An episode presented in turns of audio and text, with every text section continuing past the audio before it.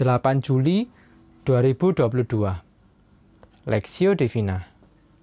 1 Raja-Raja pasal 17 ayat 7 sampai 24 Tetapi sesudah beberapa waktu sungai itu menjadi kering sebab hujan tiada turun di negeri itu. Maka datanglah firman Tuhan kepada Elia. Bersiaplah pergi ke Sarfat yang termasuk wilayah Sidon, dan diamlah di sana. Ketahuilah, aku telah memerintahkan seorang janda untuk memberi engkau makan. Sesudah itu, ia bersiap, lalu pergi ke Sarfat. Setelah ia sampai ke pintu gerbang kota itu, tampaklah di sana seorang janda sedang mengumpulkan kayu api ia berseru kepada perempuan itu katanya, Cobalah ambil bagiku sedikit air dalam kendi, supaya aku minum. Ketika perempuan itu pergi mengambilnya, ia berseru lagi, Cobalah ambil juga bagiku sepotong roti. Perempuan itu menjawab, demi Tuhan Allahmu yang hidup. Sesungguhnya tidak ada roti padaku sedikit pun, kecuali segegam tepung dalam tempayan yang sedikit dan sedikit minyak dalam puli-puli. Dan sekarang aku sedang mengumpulkan dua tiga potong kayu api. Kemudian aku mau pulang dan mengolahnya bagiku dan bagi anakku. Dan setelah kami memakannya, maka kami akan mati. Tetapi Elia berkata kepadanya, "Janganlah takut, pulanglah, buatlah seperti yang, ku kata, yang kau katakan, tetapi buatlah tetapi buatlah lebih dahulu bagiku sepotong roti bundar kecil daripadanya, dan bawalah kepadaku, kemudian barulah kau buat bagimu dan bagi anakmu. Sebab beginilah firman Tuhan, Allah Israel. Tepung dalam tempayan itu tidak akan habis dan minyak dalam buli-buli itu pun tidak akan berkurang sampai pada waktu Tuhan memberi hujan ke atas muka bumi. Lalu pergilah perempuan itu dan berbuat seperti yang dikatakan Elia. Maka perempuan itu dan dia serta anak perempuan itu mendapat makan beberapa waktu lamanya. Tepung dalam tempayan itu tidak habis, dan minyak dalam puli-puli itu tidak berkurang, seperti firman Tuhan yang diucapkannya dengan perantaraan Elia. Sesudah itu, anak dari perempuan pemilik rumah itu jatuh sakit, dan sakitnya itu sangat keras, sampai tidak ada nafasnya lagi. Kata perempuan itu kepada Elia, apa maksudmu datang kemari, ya abdi Allah? Singgahkah engkau kepadaku untuk mengingatkan kesalahanku dan untuk menyebabkan anakku mati?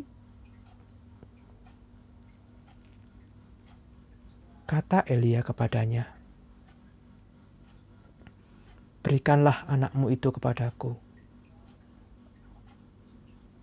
Elia mengambilnya dari pangkuan perempuan itu dan membawanya naik ke kamar di atasnya, ke kamarnya di atas, dan membaringkan anak itu di tempat tidurnya. Sesudah itu, ia berseru kepada Tuhan, katanya, "Ya Tuhan, Allahku, apakah Engkau menimpakan kemalangan ini atas janda ini juga?"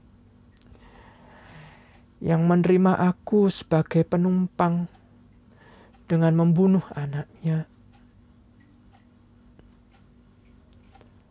Lalu ia mengunjur, mengunjurkan badannya ke di atas anak itu tiga kali dan berseru kepada Tuhan katanya. Ya Tuhan Allahku, pulangkanlah kiranya nyawa anak ini ke dalam tubuhnya. Tuhan mendengarkan permintaan Elia itu dan nyawa anak itu pulang ke dalam tubuhnya sehingga ia hidup kembali. Ia mengambil anak itu, ia membawanya turun dari kamar atas ke dalam rumah dan memberikannya kepada ibunya. Kata Elia, "Ini anakmu. Ia sudah hidup." Kemudian kata perempuan itu kepada Elia, Sekarang aku tahu bahwa engkau abdi Allah dan firman Tuhan yang kau ucapkan itu adalah benar.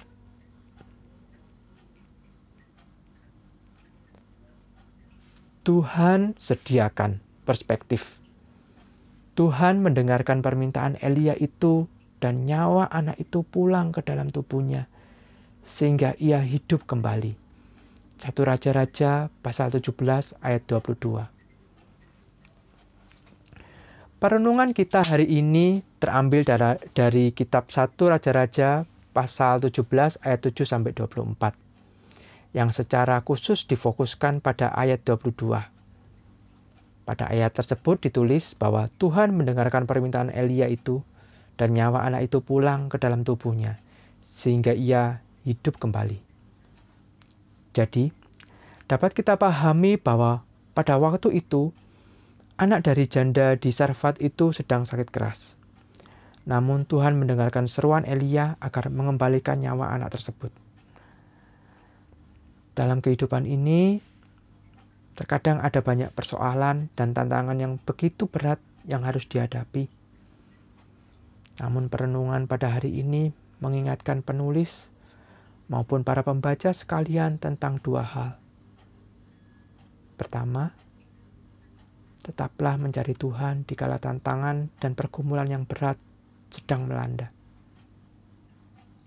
Terkadang sebagai orang Kristen, acap kali kita lupa untuk mencari Tuhan ketika menghadapi pergumulan yang berat. Hal tersebut tidak membuat pergumulan yang berat terasa lebih ringan namun justru membuat pergumulan yang berat menjadi bertambah berat. Kedua, tetaplah beriman kepada Tuhan di kala pergumulan berat sedang melanda. Jadi, ketika ada pergumulan berat sedang kita hadapi, hendaknya anak-anak Tuhan tetap memiliki iman yang teguh. Janganlah kita menjauh dari Tuhan ataupun tidak lagi meyakini penyertaan Tuhan. Dengan demikian, ada dua langkah praktis yang dapat dilakukan dalam kehidupan sehari-hari. Pertama, ketika sedang menghadapi pergumulan yang berat, tetaplah setia berdoa dan berseru kepada Tuhan. Kedua, jika sedang menghadapi pergumulan yang berat, maka tetaplah menjalani hari demi hari dengan penuh sukacita. Hal tersebut menandakan bahwa penulis dan para pembaca sekalian tetap beriman kepada Tuhan. Kiranya melalui perenungan firman Tuhan hari ini, nama Tuhan tetap dipermuliakan dan kehidupan penulis maupun para pembaca tetap dapat menjadi berkat bagi sesama dan dirinya sendiri. Studi pribadi, apakah kita masih tetap dapat berseru dan beriman kepada Tuhan di kala pergumulan yang berat menghampiri?